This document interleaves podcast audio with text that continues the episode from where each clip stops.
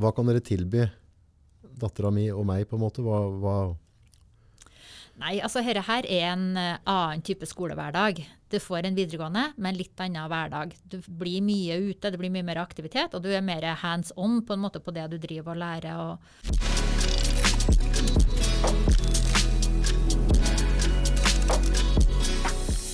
Tre, to, én. Velkommen til Nordpodden. Kristin Gangås. Gangås var det. Takk. Fikk jeg jernteppe? ja, det er bra, det. Det blir litt sånn jeg har, eh, har folk fra skolesystemet, du, da får jeg jernteppe med en gang. Ja, ja. Gamle minner. ja. Nei da, det må gå bra. Det må gå bra.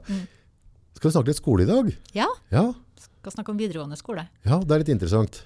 Jeg datt ut av ungdomsskolen. Ja. Eh, Skolen passa ikke så veldig godt for meg. Nei. Uh, og det, jeg, jeg så liksom ikke noe som passa meg etterpå, etter ungdomsskolen. Da. Så jeg valgte å gå ut i jobb. Ja. Eh, for min del så var det for så vidt greit. Ja. Men uh, du driver og, og steller i stand noe skolesystem nå. Ja, Ja. jeg gjør det. Så du hadde sikkert kommet til oss hvis vi hadde hatt den der skolen da. Det mistenker jeg. Ja, nei da, vi driver, og- altså det, vi driver og lager en, en ny uh, videregående skole som vi kaller for Norges natur- og økologigymnas. Det er et langt ord, da, men Ja. det går på natur og økologi, klimaendringer, eh, ja, naturmangfold, tap av naturmangfold. Alt det som diskuteres med ganske store overskrifter nå for tida i alle medier. Veldig mye fokus. Ja, det er det. Ja. Og så er det jo, det er jo en, den faglige profilen på det, men det som er motivasjon er jo litt det som du snakker om. altså Det at eh, det kan være at det er, en, det er noe i skolesystemet som mangler. Eh, det her er jo i Mm. Masse vil jeg si, da. Ja, det er, det er ganske mye. Men uh, vi tar tak i en del, da. Ja. Nei, for at det klart, dette her er jo i Østerdalen. Østerdalen. Ja, Ja. Det er midt i Østerdalen, midt mellom Trondheim og Oslo. Så skal denne skolen ligge. Ja. Og, så det er to egentlig hovedmotivasjoner for å prøve å få til en sånn skole som det her. Mm. Det ene er jo det faglige, selvfølgelig. Jeg er jo utdanna biolog og økolog og driver med forskning på økologi. Jeg har en klart- forsker i studio i dag. Ja, du har egentlig det. Oi. Og det er klart, den delen brenner jeg jo for. Eh, men så er det også den der distriktstanken som jeg òg brenner litt for, da. For jeg Ja. bor jo i det her området. Ja. Eh, den offentlige videregående skolen ble lagt ned. Ja. Og da ser vi for oss at eh, for det første er det et høl da, i, i utdanningssystemet i dette området. Og elevene, eller ungdommene da, som bor i bygda og i nærliggende områder, de har ni mil nå én vei til nærmeste videregående. Da begynner det å bli sånne Finnmark-tilstander, da. Ja, det er nesten Ja. ja. Nå skal fornærme vel dem, da, hvis vi sier det, for der er det mer som 90 mil til nærmeste, antagelig. ja. Men eh, i hvert fall så er det for langt å reise opp og ned hver dag. Ja, det går ikke. Nei, så da flytter jo en del folk, eller ungdommene må flytte på hybel, og det er litt sånn eh, Ja, det er litt alvorlig for distriktet i forhold til å beholde barnefamilier, rekruttere folk inn som skal jobbe i andre ja, bransjer og andre jobb, som skal ha andre jobber da, i det området. Ja, altså, det har du sett i u-land. Altså, ting funker jo ikke uten skole. Nei, det gjør ikke Du må jo ha et, et system for, eh, for morgendagens generasjon. Ja. Så det har vi allerede sett, da, så vi er avhengig av å få det her opp og gå ganske kjapt, sånn at vi får liksom beholdt de her ungdommene. Det er jo ikke noe levende bygd uten ungdommer. Og så er det det tredje som egentlig er det å lage en skole som ja, motiverer sånn som ja, alle som ungdommer som har lyst til å gå videre. Alle må jo ta skole i dag på et eller annet vis. Det er ikke så lett å få jobb etter ungdomsskolen. Nei. Um, og det at skole skal være artig. Jeg mener jo at det å lære ting, det er jo det som driver oss hele tida. Mm. Samme hva det er for noe, så kaster man seg på nye ting fordi man har lyst til å lære det om det er ja, sosiale medier eller hva det er. Vi Ja. syns jo det er superartig. Og da må skolen være sånn, da. Den må være motiverende for ungdommene. Det må være kjempeartig å gå på skolen hver dag. Ja. Og, og vi har, jeg har pratet litt med deg om den skolen, og det jeg forstår nå er jo at um, altså, Vi har jo veldig mange som er uh, lærere gjennom praktisk ting. på en måte, At du, får, liksom, du lærer en ting, og så får du hengt det på knagg. Da. da er du ute og forsker på et eller annet, så får du noe matematikk rundt den biten. Og så kommer den lærdommen litt gratis inn, da, istedenfor liksom å, å å må tukte inn. Men, eh, for der hadde du litt sånn interessant, for oppstarten på skoleåret deres, det var jo ikke helt likt. Nei. Uh, hele, altså egentlig så Gjennom hele de tre årene på skolen da, Ja. så skal de jobbe For det første tenker vi at de skal jobbe tverrfaglig. Ja. Det vil si at du skal ikke sitte to timer, ha to timer norsk, to timer matte, to timer historie på, på skolebenken, liksom. Eh, vi tenker oss at vi tar med alle elevene ut, jobber ute i naturen, ute i felt, besøker bedrifter, gjør ulike ting da, i starten på hver sånn blokk, som vi kaller det. Seks-sju uker, kanskje vi har en sånn blokk da, med et tema. Så er de ute og gjør forskjellige praktiske ting. Tar med seg den erfaringa eller de observasjonene tilbake inn, og så jobber jeg med det da. Og da blander vi inn både matten og norsken og kanskje noe engelsk og litt sånn forskjellig inn i det temaet. Så, så, sånn, hvis en skal ha sånn metafor der, da. Det blir sånn du går ut i skauen, Mm. og, og så hogger du tømmeret ditt, og så tar du med tømmeret inn igjen, og Ja. så lager du møbler av det. Ja, det kan du gjøre. Ja, så det blir på en måte litt sånn, altså dere Ja. er ute om dere skal måle dybde på snø, altså om det er klimaforandringer Mm. og så videre, så, så dere lager en praktisk oppgave, tar det inn, Ja. og blander kunnskapen inn i den praktiske oppgaven. Mm. Det er det vi har lyst til, da. Jeg tror jo det er mye artigere. Hvis han er eh, han, eh, Tesla-gubben som kaller, han Musk, Ja. Eh, han sier jo akkurat det samme som deg. Ja. Han sier at skolesystemet er jo helt kokos. Du må jo Ja. du må, du må gi unga en praktisk oppgave. Mm. Altså ikke bare skal du lære dem matematikk, så, så driver du en butikk. Eller, altså, du må, må blande det inn. Da. For han mener at hjernen på barnet er laga på de yngre. Da. Og for så vidt også laga på en sånn måte som gjør at du, at du lærer mye mye bedre og husker mye bedre Mm. hvis du får jobbe med det. Mm. Ja, det tror jeg helt sikkert. Og så er det noe med at eh, eh, Hva skal jeg si? Altså, jeg, er jo, jeg er jo glad i teorien, men jeg er glad i teorien når du kan forstå den og se at den funker i praksis òg. Ja. og jeg tror det, det har blitt litt sånn stigmatisering at enten så er du teoretiker eller så er du praktiker. Jeg tror ikke noe på det. Jeg tror at hvis du er god på teori, så er du god i praksis, og er du god på praksis, så er du god på teori òg. ja, hvis du gir dem muligheten, så. Ja. Ja. Så jeg tror den må blandes nesten uansett. Men eh, Da får du sånn supermenneske. da. Ja, men det, det kan vi ha. Ja, ja men En teoretiker er god praktisk, og da, Ja. da begynner det å bli veldig optimalt for arbeidslivet. da i hvert fall. Ja, jeg Ja. tror jo det. Og det er jo veldig mange næringslivet som vi har snakka med. Da, i nærings, altså, vi har snakka med mange i næringslivet som syns det her, her virker veldig spennende. Da. Og de syns òg den herre Altså, én ting er at de, de tenker at den grønne kompetansen som vi da kommer til å gi dem her, de vil jo få en forståelse for hvordan naturen henger sammen. Hvorfor, eh, hvorfor raser den her leirsida ut når du hogger ned trær, f.eks.? Eller hva skal til for at du klarer å uh, få rent vann, eller få vannet til å renne der det skal renne, og ikke flaume over, sånn som det gjør hele tida nå. Ja. Altså alle det herre det å forstå den her sammenhengen, da, det er en del av det som de elevene kommer til å lære seg. Og det trenger du jo om du skal inn og være ja, ingeniør eller økonom. Det koster jo penger, det her. Mm. Uh, så det å få den forståelsen inn, det syns også næringslivet er veldig spennende. For de ser at de mangler mye av den kompetansen her. Mm. Så ja. Og da blir det på en måte en sånn grønn økonomi. Sånn, det blir blanda litt, da. Mm. Uh, på en måte at uh, Hvordan på en måte jobbe med naturen, Ja. men å få på en måte tall ut av det som gjør at, eh, at det funker i hverdagen. ja. Ja. Vi håper at den forståelsen blir bedre, i hvert fall når man eh, får en sånn bakgrunn. Det er det ene. Men jeg tror jo, altså Hvis vi snakker om skolesystemet Nå kan ikke jeg så godt til skolesystemet, da, men jeg syns jo det er litt sånn Man blir litt lei seg når man hører at eh, på yrkesutdanningene på videregående Ja. så er det akkurat som det er litt sånn, ja, hvis du ikke vet noe annet hva du skal gå, så må du gå yrkesfaglig, og hvis ikke så skal du ta studiekompetanse. Det er litt sånn enten eller, og det er litt sånn at du opplever det ene skal være teoretisk, og andre skal være praktisk. Men jeg tror jo på sikt at man må få det her i hop, sånn at det er, ja, at du får mye mer den praksisen og teorien samla i samme hva slags videregående du skal ta i framtida. Mm. Men det er jo et langt lerret å bleke, da. ja. Men det er et viktig lerret å bleke òg. Ja, jeg tror det. Jeg tror det er mye meninger rundt det. Ja. Eh, Jeg har jo to, to jenter sjøl som går på skole. Så det er jo noe som opptar meg, på en måte. Mm. Hva, på hvilken måte legger vi til rette sånn at unga mine er best mulig rusta Mm. for, eh, for livet, da. Mm. For livet er ganske kjapt og hardt. Mm. Du, du skal være litt på ballen. Du, skal, du må eh, Den største verdien du på en måte kan ha, er jo på en måte en kunnskap. Et eller annet du kan bidra med i samfunnet til en arbeidsgiver eller som selvstendig. Da. Det er veldig viktig at du gir dem de riktige verktøyene ganske tidlig på. Ja, og så tror jeg at et av de eh, altså Det er jo ingen ungdommer, som, ja, veldig få, da, som vet akkurat hvem skal bli i en alder av 15 år. Så det å begynne å velge i den alderen der, eh, du skal ta enten den eller den utdanninga, får du en videregående utdanning hvor du har en plattform som kan brukes inn i alle retninger som skaper nysgjerrighet, det tror jeg er viktig. da. Jeg, har, en, eh, jeg har to gutter. da, Nelson han er ja, hvor gammel er han nå? Han er 22. Mm. Han valgte en videregående som eh, Han var jo så ihuga fiskeinteressert. Ah. Så han valgte en videregående med, med sportsfiske, sportsfiskelinje. Mm. Og det var jo liksom, han vært, var så bestemt for det, så han dro jo av gårde. da. Mm. Bort til Barten, Han bodde jo på hybel og var på den skolen her. Jo, ja, det er jo litt sånn med hjertet i halsen eh, når du sender dem av gårde i den alderen Typ, her. typemor? Tipper, ja, litt sånn, ja. Det var litt trått. Ja, det var litt sånn der tårer og Hva skal du dra nå? Ja.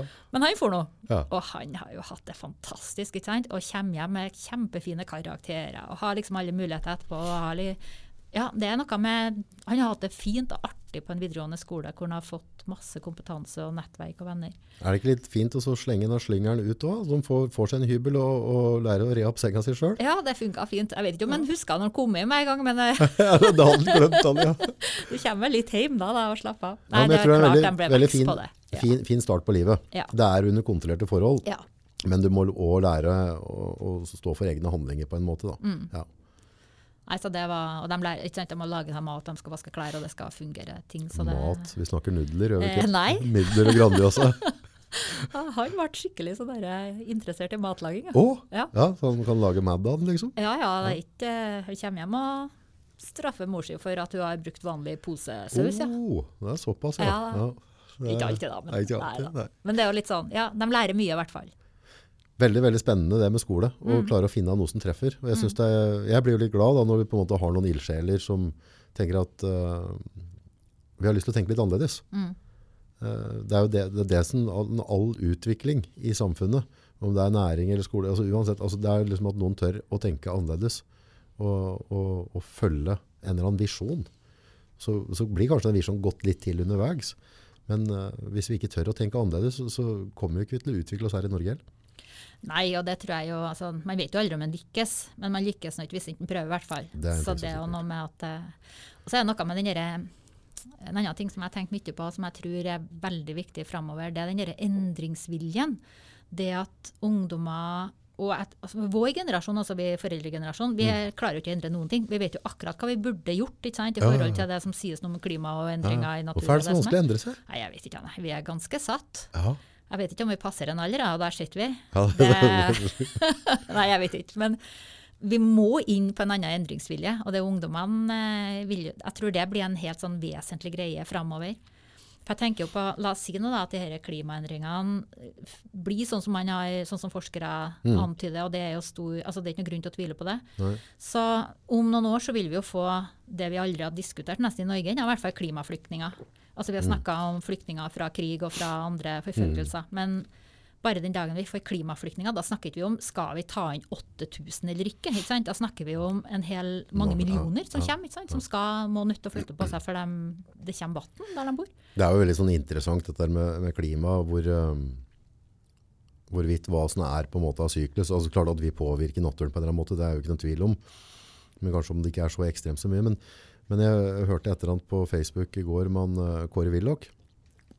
Det er en ordentlig gluping, faktisk. Mm. Eh, Det er sånn, eh, jeg, jeg vet jeg filmet han for veldig, veldig mange år siden. Ja. Eh, og det er liksom et av de få menneskene som jeg liksom følte at jeg, jeg var vel, altså, det, det ble et eller annet der. Det var et eller annet med, med den der eh, måten han snakket på som gjorde at de lytta. Du spissa øra. Mm. Men han sa jo det at uh, vi alle tegner jo, uh, tegner jo brannforsikring på huset vårt. Eh, men sjansen for at huset brenner er veldig liten. Men konsekvensene er så store Mm. hvis du ikke har tatt den forsikringa. Så det vi er inne i nå, er at, vi, vi tar en forsikringspolise og, og gjør et slag for miljøet nå. Mm. Uavhengig om vi skal diskutere om det skjer eller ikke om 10 år, 20 år, 50 år, 100 år.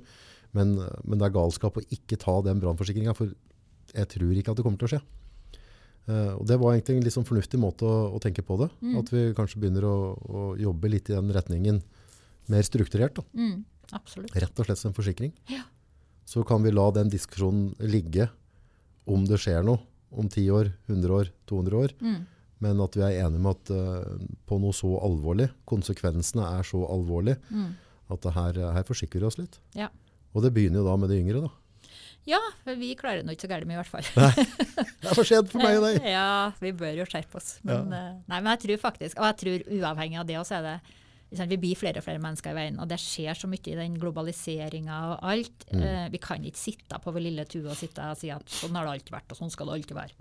Eh, den endringsviljen tror jeg blir en egenskap, rett og slett, som Mm. eh, kanskje kommer til å komme i større grad inn i også utdanningssystem, men også noe som jeg tror framtidig arbeidsliv og også sam, framtidig samfunnsutvikling da, er nødt til å ta på alvor. Og vi er nødt til å utvikle den evnen til å tenke litt annerledes og snu oss litt kjapt. Jeg tror på en måte at de store forandringene kommer i det vi på en måte uh, legger til rette, så de yngre begynner å se en uh, økonomisk uh, vinst. Da. At du kan vinne økonomisk på å tenke litt grønt. Da. Hvordan kan vi utnytte gjenbare verdier på en eller annen måte som gjør at, vi, at, at næringslivet fatter interesse. Så at dette er, her, her har vi en mulighet. Myndighetene legger til rette. For hvis vi jobber med dette der, så, så, så er det mulig å, å skape arbeidsplasser og økonomi av det. Ja. Så for da, da får du plutselig de store tenkere inn, dem som ønsker å, å skape noe nytt. Men ofte så ligger det noe penger i motivasjon der. Da. ja, nei, økonomien er jo drivende i nesten alle prosesser. Mm. Så vil jo sikkert den endre seg etter hvert. Det er klart, det må jo det. Mm. Um, vi hadde jo Jeg møtte jo noen sånne studenter her fra Høgskolen i Kristiania i Ja. Oslo. Og de eh, studerte noe som kalles sirkulær økonomi. Ja. Det er økonomi som er litt mer ja, skal være mer bærekraft, da, hvor Mm. man tenker helhetlig på økonomien i alt, alle prosesser i en bygge... Ja, samme hva du driver med, da. Ja. Um, og han eh, ene studenten her, han sa at uh, vi driver jo for å vi, vi studerer jo hvordan denne økonomien skal være mer bærekraftig, men vi kan ingenting om natur og økologi. Ja. Og vi trenger den kompetansen i bunnen for å forstå hvordan dette her egentlig henger sammen. Og så han etterspurte jo nettopp denne kompetansen som kanskje det denne videregående skolen som vi har, da, eh, gir. Det med natur, økologi og Bare for å forstå litt mer av den helheten når du skal lage de økonomiske modellene, eller hva du skal Nesten uansett hva du skal gjøre framover, tenker jeg. Men hva, hva tenker du, hva kan dere tilby? Altså, heldigvis så skal ikke dattera mi flytte ut ennå. Hun, har faktisk skrevet på kontrakt og skal bo hjemme til hun er 34. Ja ja, Ja, vi får se da, vet du. Vi får se. vet du. Men eh, hva, hva er det liksom dere kan Hva kan dere tilby dattera mi og meg, på en måte? Hva Nei, altså dette her er en eh, annen type skolehverdag. Du får en videregående, men litt annen hverdag. Du blir mye ute, det blir mye mer aktivitet, og du er mer hands on på en måte på det du driver og lærer. og, og har de her, skole, nei, de her fagene litt mer innfiltra i hverandre. Eh, litt mer forskning i det, litt mer eh, Ja, det er jo den eh, praksis og teori sammen, da. Det er det ene. Det andre er at eh, når vi lager en sånn Altså det er en veldig spissa profil på det her. Eh, det er ikke en sånn videregående som tilbyr både ja, alle mulige fagretninger. Det er liksom denne retningen, eller du kan ta realfag hvis du vil sammen med det her. Men det gjør òg at du får veldig dedikerte lærere. Du får lærere som brenner for det her faget, som har lyst til å, å brenne for pedagogikken, som brenner for det å få elevene til å trives i skolehverdagen, yte sitt beste, bli sett. For dette er ikke ni til tre-jobb for lærere? Nei, det blir jo ikke det. Skal du ut og drive med ting, og i hvert fall la oss si da, at du skal ut og Vi har kanskje fuglekasser eller insektfeller da, som vi har satt opp fra ned i Glomma, ned i dalbunnen i Glomma, og helt opp i Rondane. Og skal du klare å komme deg gjennom og sjekke disse fellene, registrere insekter eller fugler eller snødybde eller hvis det er på vinteren, da, eller mm. temperaturer på sommeren i, sammen med insektene og fuglene, eller hva du nå driver med, så er det klart, da må vi kanskje bruke en liten uke på å komme oss fra Dalbotn og helt opp i fjellet. Ah, Og, så, og da er det jo masse, der de jo brukt mye mer altså Da gjør de jo ikke fra åtte til to eller fra ni til to. Nei. Og da får de avspasering etterpå. Både elever og lærere må jo ha det. Så da blir det jo en del langhelger på de her elevene. Når de er ferdig med de feltperiodene, så får de fri kanskje fredag eller fredag og mandag. Da kan jeg få hjem igjen. Da får de hjem igjen. vet du. Så da, mm. Men, eh, men det, det er jo noe som sender bort unga sine i så ung alder. Ja, det er det. Jeg har sendt bort begge mine. Jeg fortalte om han Nilsen. Ja, Jeg har en gutt til som er 20 nå. da. Han, har flyttet, han var idrettsinteressert og Ja. flytta på videregående han også, rett etter ungdomsskolen ja. eh, for å gå på ei sånn toppidrettslinje. da. Og det er jo med hjertet i halsen og det er jo litt sånn klump i magen, men de vokser jo utrolig på det. Og det som er fint med denne plassen eh, i Østerdalen, er at det er en liten plass. alle kjenner hverandre. De her, eh, kommunen stiller med folk som kan, passe, altså, kan gå og sjekke at de kommer seg på morgenen. og det blir litt sånne, Folk tar litt vare på, på hverandre. da. ja. Og lærere og alle bor jo i umiddelbart nærhet av skolen og der de her elevene kommer til å bo. Så det blir en liten gruppe da? Det blir en liten gruppe, det blir jo en liten klasse òg. Det er jo én klasse per trinn. det her, så det, Når hele skolen oppe og går, med tre år, så er vi 90 elever. Ja. Så det er klart, da er det Det blir litt annerledes enn eh, en stor skole med 500 elever, eller hva det er. Ja, ikke sant. Så jeg sendte jo begge mine som sagt på hybel, og den ene flytta jo da til en større by. Ja. Og opplevde at han var jo den eneste som bodde på hybel i den klassen. Så han var den eneste som ikke skulle hjem til mamma eller pappa-hotellet. på en måte. Han måtte lage maten sjøl og huske på å ta ut bløte blaute gymklær og, Ja, og komme seg på trening rett etter skolen. Sursokkene. Ja, ja. Ja. Sursokkene og alt måtte opp. Ja. Så det er klart det var lettere på en måte for han som flytta til en liten plass på den fiskelinja, hvor alle andre bodde på hybel òg. For de gikk sammen, laga mat sammen. ja. Gjorde de samme tabbene, men hjalp hverandre og fikk hverandre opp på skolen. Og, Samarbeid. Ja, Ja. så det var to forskjellige hybeltilværelser egentlig på de to guttene. altså. Hmm. Men begge ble jo vokste på det og sånt, men jeg tror det skal han først sende dem på hybel, så er det absolutt å foretrekke å sende dem til en liten plass, sånn som min erfaring er. da. Mm. Mm. En ting er jo den, eh, det, det rundt skolesystemet og det dere skaper der. Mm. Men det jeg syns er litt interessant, da det er som Ny skole. Mm. Hva er det som går til deg, egentlig? Altså, Nei, det var det, det, hørtes litt, det hørtes litt arbeid ut. Ja. Åssen lager du en ny skole, Nei. hvis jeg har lyst til å gjøre det? Ja, Ja. Nei, det vet jeg egentlig ikke. Det er bare å begynne å lese da, skal, hva som kreves for Ja. å lage ny skole. nei, det vet du, det visste ikke vi heller. Vi måtte inn, og Jeg har jo aldri laga noe skole. Jeg har- jobber jo ikke i det skoleverket heller. Nei. Så det var jo egentlig bare å ja, Man må inn på nett da, og så lage en ny skole, og så lærer man jo ganske bratt. Det er godt vi har Google. Ja.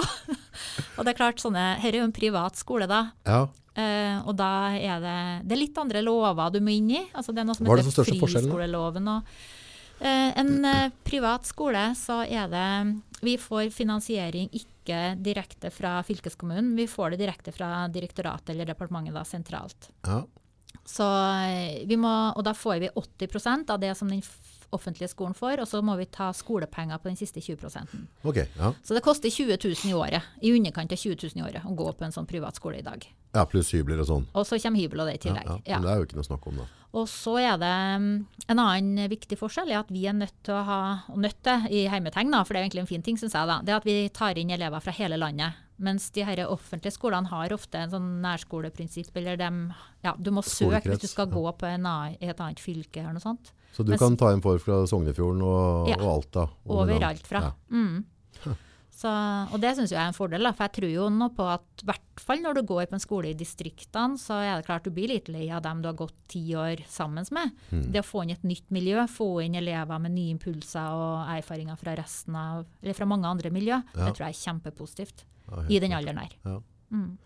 Men eh, har, hvor lang har den prosessen vært her nå? Hvordan, hvordan har dere gått fram? Liksom? Det, må du liksom inn og prate med regjeringa, liksom? Eller hvordan er dette? Nei da, det var egentlig Altså den her offentlige skolen den ble beslutta politisk, da, lagt ned i høstferien 2018.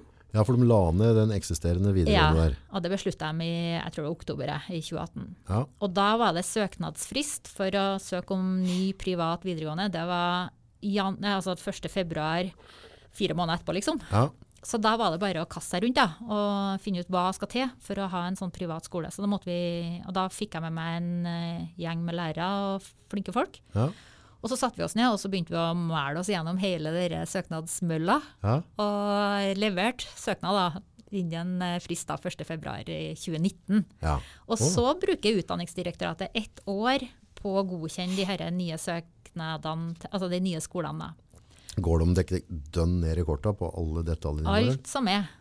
Ja. Så det, alt skal være på plass, og alt skal være i orden. Og det som var utfordringa vår, så det er egentlig læreplaner. For de er jo ja, det er akkurat i år, da. Vi valgte det gode året, for å kalle det det. I år så har de jo revidert alle læreplanene i det norske skolesystemet. Okay. Fra første klasse på barneskolen til ja, ut videregående. Aha. Så klart Vi laga først læreplaner etter gammel mal, for da fantes ikke nye. Og så måtte vi levere nye læreplaner etter ny mal i høst, altså høsten 2019. Ja. Eh, Men problemet da var at da hadde de ikke rukket å gjort ferdig malene til det som er andre og tredje året på videregående ennå. Så der måtte vi litt sånn stikke fingeren i lufta og si at ja, vi kopierer det som finnes på førsteåret, og så må vi håpe og tro at det er ganske likt med andre og tredje året. For de har ikke rukket å gjort dem ferdig, de malene. Så det, ja. Og så skal vi da får vi tilbakemelding på det, og så må vi da endre dem sånn at de blir korrekte. da. Og med timeantall per fag og vurderingsformer ja, og alt sammen. Ja, så det, for der er det normer, liksom. Det skal være en, en riktig oppvekting. Ja, det skal være et minimums antall timer. Men det kan bli ganske komplisert da, når du skal på en måte ha en del utetid og sånne ting, og sørge for at du får liksom riktig balanse i løpet av året. Ja, det skal det være. Men eh, der, eh, ja, det, du kan justere det litt i forhold til oppad. Altså, du kan ha flere timer, men du kan ikke ha færre timer. Det er et minimum. Ungdommer i Norge har et minimumskrav på antall timer da, de skal ha per år. Hm. Så, men det er jo der vi også da avspaserer, ikke sant, så de får reist hjem. Og det er jo veldig gunstig også, hvis de kommer fra andre plasser i Norge. Så får de komme hjem i helger og, Ja, Da er det litt å reise på, liksom. ja, Ja. og slippe å kjøpe de dyre fredags ettermiddag-billettene før jul, f.eks. Ja, ikke sant? Ja, det koster litt å sitte hele gjengen på tog og fly. Ja, ja. Hva er framdriften nå? For nå, det, nå sitter du egentlig på gjerdet og venter litt på svar på noen søknader, er det så? ja, Ja. vi gjør det. Eh, vi har jo, altså, nå er det like før at eh, direktoratet godkjenner eller ikke godkjenner denne skolen. Mm. Eh, og blir den godkjent, da, så er jo, nå er jo også søknadsfristen for å komme inn på videregående skole for de her elevene, det er 1. mars. Du har det travelt. Eh, har det travelt. Ja. Og, så er det, og sånn, det er også en forskjell da, fra offentlig til, videre, nei, til privat skole. Vi kan ha søknadsfrist litt senere. Oh. Så vi utvider søknadsfristen vår, vi. ja. Sånn at det er hensiktsmessig, så vi klarer å, å, ja, klarer å få ut da, at denne skolen faktisk er godkjent, og at man kan søke på denne skolen, og, Mm. og hva det er. For det er, jo, det er jo litt håpløst å søke på opptak på en skole som ikke finnes. Mm. For å sette litt på spissen. da. Samtidig så det å søke på en privat skole påvirker ikke søknadene dine på den offentlige skolen. Ok, så det er ikke sånn at du velger bort noe da? Nei, Nei. det gjør du ikke. Så jeg kan klemme den oppatpå, så hvis jeg har søkt på to skoler, da skal den slenge din oppatpå. Ja, Og så, så er det ikke sånn at jeg mister en plass på den offentlige. nei. Nei. Og den offentlige skal du ikke svare på før godt utpå sommeren eller når du er ferdig på ungdomsskolen. Å ja, så, så du har, selv om fristen har gått ut 1. mars, så trenger de ikke å svare 1. mars? Nei, Nei. du svarer ikke før i juli, tror jeg. 1. juli Å, eller noe sånt. Ja, men Så da i- har du jo sjanse til å få til dette her da. Ja, jeg Ja. mener jo det. Ja. Ja ja, vi må jo få det til. Jeg kan ikke skjønne noe annet. Men poenget er i hvert fall da at da kan de, hvis de søker til oss, for til oss så søker de direkte på vår hjemmeside. Ja, Eh, og så er, det en, ja, så er det vi som vurderer disse søknadene. Da. Og da er det jo eh, god tid. De får svar fra oss lenge før de må svare den offentlige skolen. Så de har på en måte valgmuligheten helt til de må svare den offentlige skolen eventuelt, da, hvis de velger den i stedet. Hvem er det du tenker som bør søke på en skole da? alle som jeg har lyst til å komme gjennom en videregående, som er litt spennende og litt annerledes. Som eh, ikke har lyst til å ha to timer med fag som norsk, to timer norsk, to timer historie og sitte inne om dagene. Som har lyst til å være ute og, og, ja, å ha en sånn relevant uh, videregående både i forhold til de grønne fagene, men også i forhold til det med uh, å besøke bedrifter. altså Det å få den her, litt, si, ja, litt mer sånn praksis og litt mer forståelse for hvordan uh, både det grønne og bærekraft og utvikling av samfunnet fremover vil være. da. Det må være perfekt for sånne kladdesmeder som meg, da, som ikke klarer å sitte rolig i timen. Jeg tror det er litt sånn for alle, er ikke det? Altså, det jeg tror ikke det er noe sånn eh, Jeg tror vi setter oss litt i sånne båser når du sier det om deg sjøl, så Mm. tror jeg bare at skolesystemet ikke fanga opp den, eh, den ressursen du er, da. Nei. Eh, For jeg tror jo alle elever har sin ressursbank, og det når du får utnytta alle dem i hop, så tror jeg det blir noe helt annet enn når alle skal inn i samme malen og bli sittende med de samme oppgavene eller samme måten å jobbe på, eller ja. Men har det, har det anleggene og ressurser nok til å se hver enkelt student og tilpasse på en måte? At du ser denne har godt av litt mer, eller altså denne trives bedre og har mer praktiske uteoppgaver og dra det inn. Eh, Her har vi en som på en måte lei som sitter mer til, altså er det, er, blir det tilpasningsmuligheter? Ja, jeg håper og mener og tror det. Ja. Eh, Både fordi at vi er mye mindre, mm. og fordi at vi ser at de lærerne som har vist interesse for å søke på denne skolen, her, de har veldig lyst til å bidra inn i det her nye Det er noe her som tiltrekker dem veldig, og de er veldig faglig dedikert òg. Ja. Så jeg tror jo det går an. Og jeg har jo sjøl vikariert på skoler eh, mens jeg drev og utdanna meg, f.eks. Så jobba jeg som lærervikarer, da. Um, og jeg hadde bl.a. et emne jeg husker ikke hva jo var det, det var noe fysiologi eller et eller annet, i hvert fall. Og det var på barneskole, da. Så skulle vi ha det som en Det var noe sånn anatomi og fysiologi som en del av det, det faget. Og da var jeg høygravid. Og da fikk jeg jo time på, til ultralyd på sykehuset, Ja. og fikk tatt med hele klassen. Så de hadde jo en hel klasse med oss inn. Det er jo kjempeartig. Bare å få se den der ungen uh, inni der, da. Det blir jo Ja, helt annet enn å ble noe helt sitte og annet se. der Ja. fuglen og storken og Ja, ja. Så da, og så hadde jeg jo en annen gang, så tok jeg med I og med at jeg er biolog og økolog da, i bunnen, så tok jeg også med noe vi skulle, Det var samme fagområde. Så tok jeg med noe ekorn som var død, da. Ja, så også, klart. ja, Det burde du tenkt meg. Ja. og så fikk de dissekere dem, eller åpne dem og se, for da får du se hvor hjertet er, hva er noe her, for noe, hvordan ser noe lever ut, og hva er ja, tarmer og sånn. ja. Og det var ganske morsomt, for det snudde opp ned på hele det klassemiljøet. Det var en gjeng med For det var en sånn stor klasse. Ja. Noen sånne supersøte, rosa, kjempeflinke jenter, og så var det noen aktive gutter som var litt urolig urolige, kanskje. Ja. Og de der jentene som egentlig var litt sånn fisefine jeg kan ikke si det, da, men det jo, jeg sier det. det. Ja, Ja. jeg sier det. Sier det Trøndelag. Ja, de sier det i Trøndelag. De får unnskylde meg. Og, så, og de stupte jo under ekornet ikke sant? og dro ut det ene med etter det andre. Så Ikke det var problem. kjempespennende. Og noen av guttene holdt jo på å svime av. Altså, det var helt sånn der, ikke sant, De tøffeste guttene Mm. de takla ikke så godt. Og etter det, i hvert fall i mine timer, så det gjorde noe med hele klassemiljøet. Det ble liksom, Vi brøyt ned det derre Stigma. Ja. Da ble det liksom Ja. Så jeg tror jo på det her. Ja, altså bare det, altså, hvis du hvis du et pørser, så skal du vite hva som skjer på slakteriet òg, tenker jeg da. Altså, Ja, ja. Vi blir jo forskånet for det. Ja. Vi kjøper alltid sånn plastikkpakker. Så jeg har vært heldig for å vært med å slakte og sånn jeg var yngre, og, og mener liksom at, uh, at du, skal, du skal kunne lage din egen mat da. Mm. Så at du i hvert fall har en minimum kunnskap om dette her. Hvordan du harrer det til, hvordan du flår det, og hvordan du gjør dette der. Men, uh, men jeg tror vi, vi glemmer litt av det med de yngre nå. At Mm. vi glemmer de mye av det praktiske, liksom. Ja, og jeg tror du kan drive på med det her til de er ganske store. Altså, det er noe man tror at barnehageunger skal liksom holde på med. Ja. Jeg tror jo dette her er jo noe som alle syns er artig. Ja. Jeg har også jobba med rovvilt og rovviltkonflikter da, i, Ja. og sånn ellers. Rovviltkonflikter. Ja. Men i hvert Tør fall, vi da. å slippe den podden her, sier jeg bare da. Nei, det var det, da. Skal vi dra, skal vi dra en sånn ulvegreie her nå, så da, da skjer Ja. det, vet du. Ja, ja. Ja. I hvert fall så hadde vi, var i mange, eller flere år jeg jobba med et sånt prosjekt med kunnskap rundt rovvilt. Ja. Og vi inviterte med oss alle som var interessert da, i å være med ut. For det er jo litt sånn som du sier, sant? når jeg begynte med det her, så skulle de jo Det var jo store protester mot å få hun derre trønderske jenta til å komme hit og begynne å snakke om rovvilt og Si seg sjøl. ja, gjøre ulven snill. Ja, Ikke sant? ja, ja, Vise ulv i solnedgang. Og, ja, det var litt sånne ting da de folk var redd for.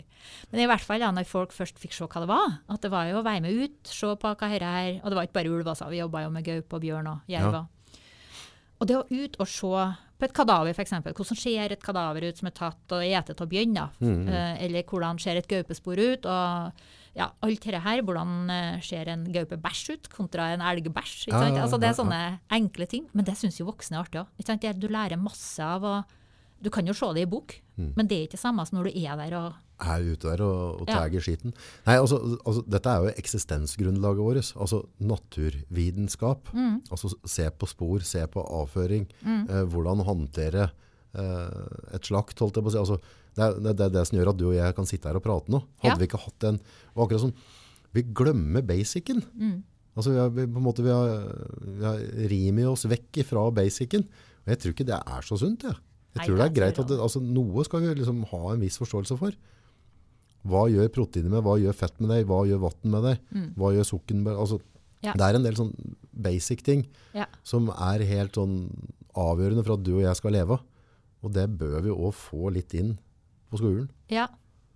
Jeg tror det er helse, altså det helseaspekt i det. Jeg tror det er mange ting her. Det å være ute og få de her, ja, denne kompetansen inn. Og, og det å kjenne på det å være ute i dårlig vær, det å være ute i bra vær, Ja. uh, ligge i telt når det er ule og ja, suser rundt deg, og du må liksom lære deg å ta vare på deg sjøl òg, da. I, altså, vi er jo tross alt i Norge, og det er jo litt av hvert av hver her rundt oss. Det er det. Så Men rare, jeg hadde en podd her eh, i går med en som har eh, vært skikkelig plaga med angst. ja. Uh, og han jobber knallbra om dagen, så det er veldig sånn stas å følge med på han. Mm.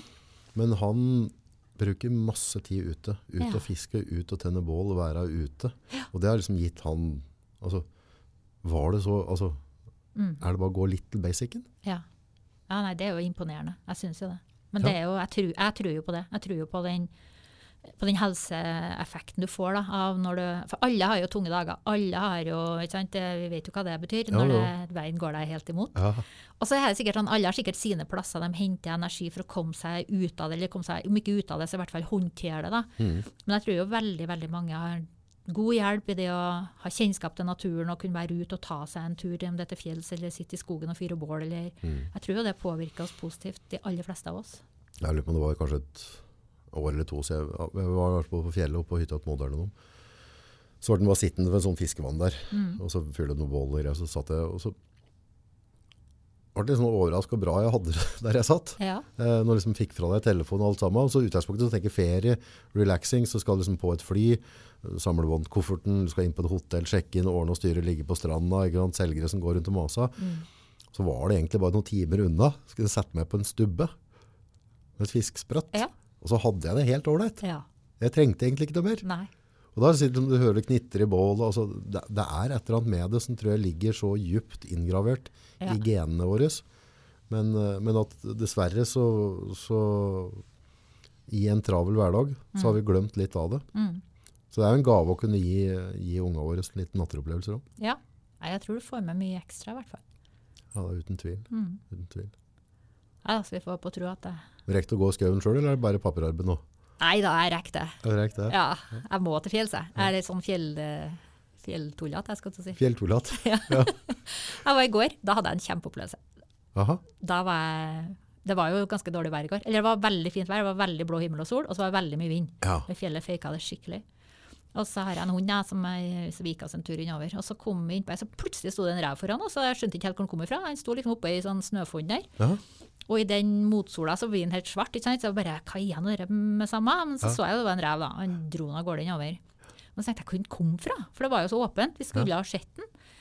Og så gikk vi ned da, og så på der den sto, under den fonna her. Og da han ligger inni fonna, inni en sånn sprekk, snøsprekk i fonna der. Ja, Der har han nok ligget og sovet, vet du. Ja, så lunt og fint, da. Ja, så lurt. Ja, da bare, og så kom vi og forstyrra han, da. Så det var jo, men det å bare sånn der, å se dyrene i fjellet er jo helt eh, For meg er det helt fantastisk. da. Jeg syns det er kjempeartig. Lurer egentlig på hvordan dyra har det. ja. Ja. Tenker de, tror du, eller er det bare instinkter? Altså, men samtidig så kan vinden begynne å lure, så har de det bedre enn oss egentlig? Men samtidig, klart, de får jo vær, de får jo vind, klart de er jo rustet og skodd for det, men, men samtidig, det, det, er liksom, det er bare primærinstinktet deres. ja. Sove og spise og- og formere seg. Ja, det er jo det. Nei, de kan ikke gjøre så så mye feil oppå der. Det er jo ganske ekstremt, ja. Hm. Det er jo sånne, sånne dager når det er røsk og riv og du Ja. Ja, da er stas. Det er jo litt godt. Ja. Ja. Ja, jeg, jeg begynte å jobbe som fisker når jeg var 16, ja. var med ut på båt. Og kanskje det jeg liksom savner mest, som du romantiserer i etterkant, er jo de dagene det er storm, og det, er liksom, Mm. det fryser til i øyenbryna dine, og det er kaldt på fingra. Liksom, Ja. det er liksom sånn der, hvis ikke du følger med timen nå, så, så, så bærer du på havet, liksom. Ja. Det er liksom alvor. Uh, og det er et eller annet med det, Ja. som, som, som et eller annet i DNA-et vårt. ja. Moder jord. Altså, du, du bare på innfinner at samme mye duppeditter og digitale ting vi har, Mm. så når alt kommer til lar, alt, så er det moder jord som sitter med siste kortet. Ja da. Du er litt prisgitt til det naturen finner på. Veldig. Huh. Så spennende. Og der skal du tilby elever oppi der. Ja, det håper vi da. Ja. Eh, Vi, har jo, eller vi har jo gjort det da. Ja. Vi ønsker at folk søker nå òg, for det er jo åpent eh, for å søke og sånt. Og vi håper jo å få godkjent denne skolen, sånn at vi kan sette i gang. Men jeg har jo tro på at Altså jeg har så tro på det her konseptet med Og så kan jeg sammenligne med, det- med de der toppidrettsgymnasene. Ja. eh, hvor folk er dedikert til å drive med idrett. Men ta ut idretten og putte inn natur, økologi, altså klima og alt det Forskning. her, forskning. Alt det her, og det at det er praktisk og at det er litt annerledes skoledager. Ja. Så har du på en måte skolen, og jeg tror jo det er et konsept som i Østerdalen da, så vil vi jo drive på med det her, spesielt i det vi kaller for den boreale barskogen. Altså det er den der skogen vi kjenner fra Norge, med furutrær og grantrær og elg og rovvilt og rev og Ja. ekorn og alt det her. Ja. Eh, men man kan jo tenke seg at dette er et konsept som man kan bygge opp videre. Det er jo det jeg har eh, litt tro på, da. Eh, Bor du på, ja, bor du på Hel Helgelandskysten f.eks., det er sikkert noen distrikt der og som begynner å bli langt det nærmeste videregående. Mm. tenk å bygge et sånt konsept der som går mer på det marine miljøet Ja, her i Norden. Og så er det ja, kanskje det kan være arktiske miljøet i Finnmark, Troms altså Det er noe med Vi har så variert natur. Vi har så mye ressurser som vi må Vi har jo bygd hele Norge på naturressurser, Ja, historisk ja, fra. ja, ja. Og da må vi skjønne dem og kunne dem for å ta vare på dem videre også inn i dette, selv om det er økonomi og mye annet som styrer oss og som eh, er veldig drivende, så må vi, vi må ta vare på denne grunnressursen som naturen er. Og da tror jeg at får vi en framtidig generasjon som faktisk kan og forstår og har vært ute i denne naturen og kjent på noe, har en, ja, ser sammenhengene i den, Mm. Så tror jeg det vil være en, en eh, kunnskap som alle kan dra nytte av. Mm. Og jeg tror det Ja, nei, jeg har så tro på det. at det- Ønsken å søke. Ja. Ja. Det det er komisk. Jeg drev og hører på en bok med han uh, Roald Amundsen nå. ja. Ja, uh, på noe reisa der. Og det, det som er litt rare da, er på en måte, i den tida han satt da, og så driver jo han, da drev han egentlig med samme type arbeid som eksempel dere driver med nå. Mm. Da var jo ikke kunnskapen, hva er bak den isbreen? ja. Hvor kommer de dyra? Altså det var på en måte folkehistorier, en forståelse, og så på en måte begynte med å, å, å ville se neste step da. Mm. Og det er jo kanskje det vi har på en måte, vi tror at vi har funnet opp alt, men vi har jo ikke det. Nei, nei. Det er mye mer forståelse vi kan ha for, for eh, kloden vår. Da. Mm. Det er det. Da er det stilig. Men uh, hvis det er noen som vil søke, da, eller Mm. er det noen foreldre som har lyst til å gå inn og glo, hvor er den finner dere? Du har ikke funnet oss på nettet. Besøk, du kan søke Norges natur- og økologigymnas. Det er jo veldig langt. Det var kjempeenkelt. Ja, ja. Men du kan Det er ingen søke med dysleksi som kommer til å søke det. Nei, det er akkurat det, vet du.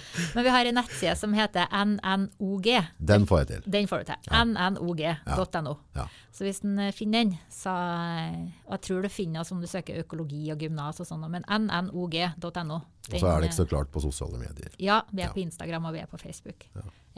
Stilig. Det blir artig å se om det er noen som uh, har vett på søket. Ja, vi får krysse fingrene og håpe Ja, Det virker veldig interessant. hjertelig velkommen alle sammen, i hvert fall. Ja, hadde nå, som sagt, nå skal jeg vente noen år til med datteren min, men det, Ja, det virker jo som noe et eller annet Hun blir nok ikke hjem til 34, i hvert fall. Nei, sjansen er vel Men for min del også er det i hvert fall viktig at, uh, at ungene mine blir sett Ja. for den de er, Mm. og at de får utvikle de, de kunnskapsbassengene de har, da, Mm. og ikke terrorisere dem på de tingene de kanskje ikke har. Nei, vi håper å kunne bidra, da. Mm. Sånn uh, avslutningsvis, vi pleier liksom å komme med noen noe ring size tips, og det er vel jo sånn, nå har jo du vært i en ganske intensiv periode med å følge en visjon og en drøm, og skape noe. Mm. Hvis det er noen andre som sitter der og har en visjon og en drøm, hva har du lært i fasen her? Hva, hvilken verdi bør de ha med seg? Hva bør de huske på? Nei, Har du noen tips og råd? gå for det. Jeg tenker at det, Hvis en vil noe, så er det bare å gjøre det. Jeg tror, det, jeg tror ikke en skal være så redd for å prøve ting. Altså Det verste som kan skje, er at du mislykkes. da. Men uh, jeg tror jo at det å sitte i ettertid og tenke at åh, at vi ikke prøvde, at vi ikke gjorde et forsøk, og angre på det, det er det verste, tror jeg. Man må bare prøve det. Og så er det selvfølgelig både oppturer og nedturer, og man kan jo få seg en, eh, en smell, da, men eh, jeg tror likevel at uh, har du tro på noe, så skal en gå for det. Stilig. Lykke til. Tusen takk. Hvis det er noen som hører på som vet av en slyngel som eh, burde gått på en sånn skole, så får de bare kommentere navnet under i feltet her. Ja. Og så får de gå inn og se. Ja, kjempefint. Tusen takk. Takk for at du tok turen. Tusen takk skal du ha.